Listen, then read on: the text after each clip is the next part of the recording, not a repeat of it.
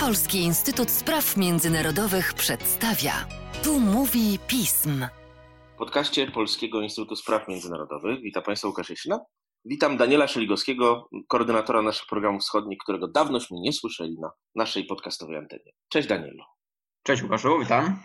Rozmowa z Tobą inspirowana jest, jak to się nam zdarza, przyznajmy się bez bicia, tekstami, które ukazują się na stronie pismu. Całkiem niedawno, kilka dni temu, ukazał się Twój biuletyn o deficycie wody na okupowanym Krymie. Biuletyn o sprawie ważnej, która także jakoś specjalnie nigdy nie zagościła w polskim myśleniu na temat okupacji tej części Ukrainy, tego półwyspu. Prawdopodobnie przez różne stereotypy. Otóż bardzo często po prostu zwyczajnie ludzie nie wpadają na pomysł, że coś otoczonego morzem może nie mieć dostępu do wody. Trochę podśmiewam się ze skojarzeń, ale rzeczywiście tego w ogóle wcześniej za bardzo w Polsce tematu nie poruszano poza jakimiś branżowymi dyskusjami.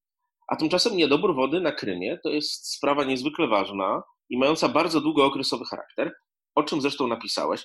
Jak to się dzieje, że na Krymie po prostu może w pewnym momencie całkowicie tej wody zabraknąć?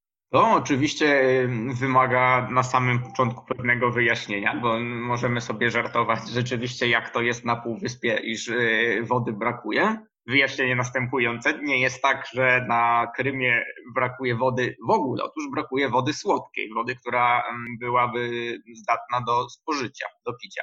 Jest to problem historyczny, dlatego że Krym borykał się z deficytem wody y, tak naprawdę przez całą swoją historię. Ten problem w pewnym sensie rozwiązano dopiero w czasach Związku Radzieckiego, gdy na początku lat 60. rozpoczęto budowę kanału północno-krymskiego i tym kanałem większość wody tej pitnej, wody słodkiej, która nie byłaby wodą słoną, wodą morską, była transportowana wprost z rzeki Dniepr na Półwysep. No, ten, ten kanał oczywiście został zablokowany w roku 2014, wtedy gdy Rosjanie nielegalnie mm, zaanektowali Krym, Ukraina wybudowała tamę na kanale północno-krymskim, więc te wszystkie problemy jakby tutaj powróciły. Do tego wszystkiego dochodzi jeszcze druga kwestia związana z no, niesprzyjającymi, powiedzielibyśmy, już nie tylko w ostatnim czasie, ale w, w tym roku jakby w ogóle warunkami klimatycznymi na Krymie, to znaczy bardzo suche lato, władze okupacyjne Półwyspu twierdzą, że to była rekordowa susza, największa w historii w Półwyspie i bardzo małe, w zasadzie znikome opady śniegu minionej zimy, co sprawia, że te zapasy wody słodkiej, wody zdatnej do picia, które były na Półwyspie i które pewnie wystarczyłyby tylko i wyłącznie, mm, znaczy na pewno wystarczyłyby dla tutaj ludności cywilnej na Krymie, no okazują się jednak troszeczkę niewystarczające. Tej wody stanem na lato tego roku było o połowę mniej niż w roku ubiegłym. Jak sobie z tym próbują radzić władze okupowanego Krymu? No nie są przecież przez nikogo nieuznawane, więc właściwie chyba poza samą Rosją nie mogą liczyć na wsparcie.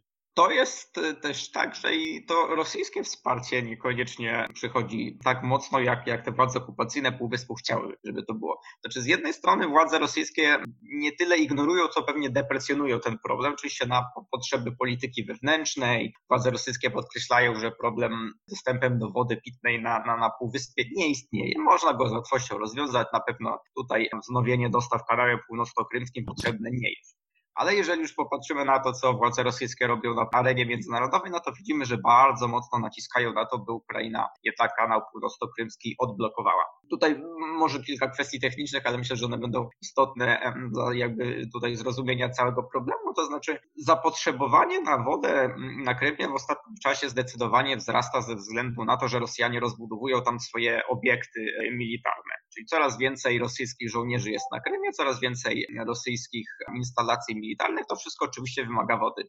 Przyjeżdżają wojskowi, przyjeżdżają ich rodziny, one dostęp do wody mają, zwykli mieszkańcy tego dostępu coraz częściej ostatnio już nie mają. Gdyby tę wodę mm, przeznaczyć tylko i wyłącznie dla ludności cywilnej, a nie dla um, obiektów militarnych, no to tej wody by wystarczyło i o żadnej katastrofie humanitarnej mówić byśmy nie musieli. Natomiast oczywiście z punktu widzenia władz rosyjskich, no kontrowersyjnie jakkolwiek to brzmi, istotna nie jest ludność cywilna na okupowanym Krymie, istotne są właśnie te, te obiekty militarne. Stąd też jakby te problemy ludności cywilnej są w pewnym sensie drugorzędne, co najmniej. I teraz w jaki sposób Rosjanie starają się dążyć do tego, żeby odblokować kanał północno-krymski? Z jednej strony to, to jest presja polityczna mm, przed różnymi międzynarodowymi trybunałami, instytucjami i tak dalej. Mieliśmy wiosną tego roku skargę do, do Wysokiego Komisarza Narodów Zjednoczonych do spraw praw człowieka. Z tą skargą wystąpiła pani Natalia Pokłońska, to jest wiceszefowa Komisji Spraw Zagranicznych Rosyjskiej Dumy, ale tutaj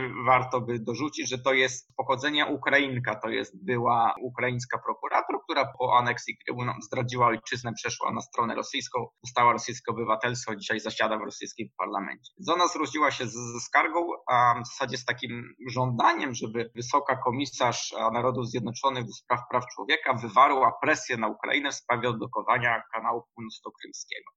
W odpowiedzi oczywiście uzyskała, że główna odpowiedzialność za to, żeby woda była dostępna dla ludności cywilnej na Krymie spoczywa na okupancie, czyli na Rosji. Ale tam też w pewnym sensie pojawiła się wzmianka, że to oczywiście nie zdejmuje całkowitej odpowiedzialności z Ukrainy, dlatego że prawo międzynarodowe, prawo humanitarne zobowiązuje aby państwa do tego, by dbać o um, zapewnienie odpowiednich warunków życia dla swojej ludności. No a ponieważ wszyscy uznają, czy też większość społeczności międzynarodowej, że Krym jest okupowany, Krym jest ukraiński, no to i ukraińskie władze mają pewne zobowiązania co do tego, by ten dostęp do wody zapewnić właśnie mieszkańcom Krymu.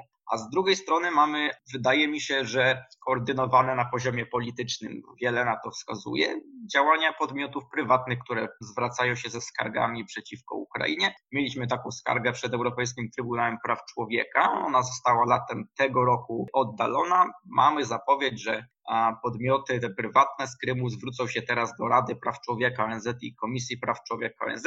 No i tutaj oczywiście uwaga, uwaga, tak się składa, że od przyszłego roku członkiem tej Rady Praw Człowieka będzie również Rosja, która swoje członkostwo prawdopodobnie tej właśnie Radzie będzie starała się wykorzystać do tego, by tę presję polityczną na Ukrainę wywierać.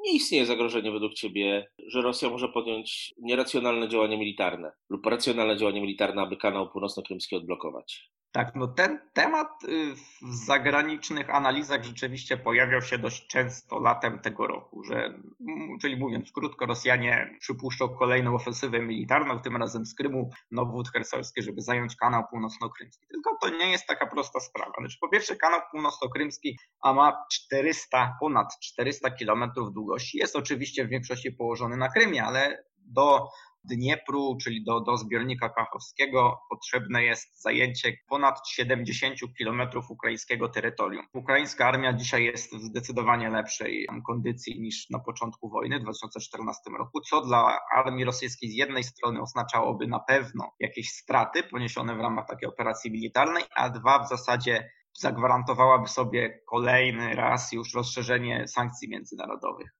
To jest jakby mm, jedna strona medalu. Druga strona medalu jest taka, że ten kanał północno-krymski, który 6 lat nie jest użytkowany, on uległ daleko idącej degradacji, więc nawet przyjmując, że Rosja zdołałaby teoretycznie przejąć kontrolę nad całością kanału północno-krymskiego i wznowić dostawy, zlikwidować te tamy, które jest na kanale północno-krymskim, to większość wody i tak ulegałaby stratom podczas przesyłu. To mm, jakby pozwala sądzić, że operacja militarna jest w tym momencie w zasadzie ostatecznością, dlatego że koszty, które musiałaby Rosja ponieść, zdecydowanie przewyższyłyby ewentualne zyski. Oczywiście to nie jest tak, że Rosji w ogóle nie zależy na tym odblokowaniu kanału krymskiego, bo zależy, ale zupełnie czym innym jest, gdyby Ukraina miała go odblokować za darmo bądź w ramach jakichś negocjacji politycznych, a zupełnie czym innym, gdyby należało ponieść te wszelkie wspomniane przeze mnie wcześniej koszty, a w zamian zyskać zepsuty kanał i, i ta ilość wody, która by docierała na półwysep, byłaby zdecydowanie mniejsza niż miało to miejsce przed 2014 rokiem. Wydaje mi się, że w tym momencie jest to mało prawdopodobne. Raczej Rosjanie będą nalegać instrumentami politycznymi. No i wiosną tego roku też widzieliśmy, że obecne ukraińskie władze były skłonne taki scenariusz rozważyć. Tamtejszy premier chociażby starał się sądować opinię publiczną, no ale powiedzmy, że ta opinia publiczna szybko mu ten pomysł wyperswadowała, a mm, premier musiał z tego, z tego pomysłu się wycofać i bardzo szybko zaznaczyć publicznie, że o jakimkolwiek wznowieniu dostaw wody na Krym nie ma mowy dopiero wtedy, gdy, gdy Krym powróci pod kontrolę ukraińską. No cóż, sprawa na razie zamknięta, przynajmniej formalnie. Pozostaje nam życzyć mieszkańcom Krymu, żeby mieli co pić. Ale pokazuje to też, jakie problemy generują konflikty i w jakim kontekście trzeba je rozpatrywać, bo w końcu mówimy o sprawach normalnych, zwykłych ludzi. Bardzo często w analizach międzynarodowych pomija się takie kwestie jak kwestie wyżywienia, picia i różnych spraw.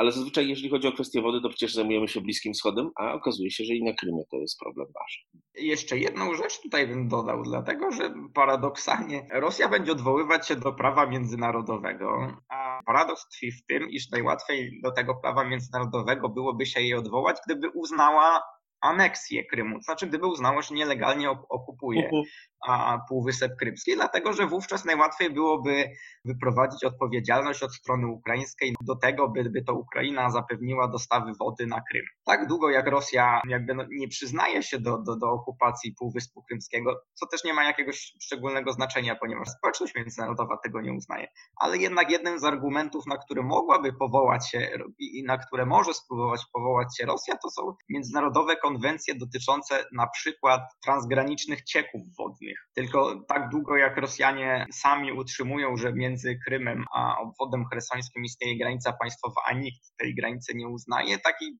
trudno tutaj powołać się na jakiekolwiek wyprowadzenie odpowiedzialności dla strony ukraińskiej. Gdyby można było uznać, że Krym ciągle jest ukraiński, a Rosja tylko go kupuje, no to wówczas można by jednak tutaj mocniej przerzucać odpowiedzialność na stronę ukraińską. No ale to jest taki paradoks, jak wiemy, Rosjanie tutaj w żaden sposób nie będą, nie będą nawet sugerować, że, że sprawa Krymu nie została zamknięta.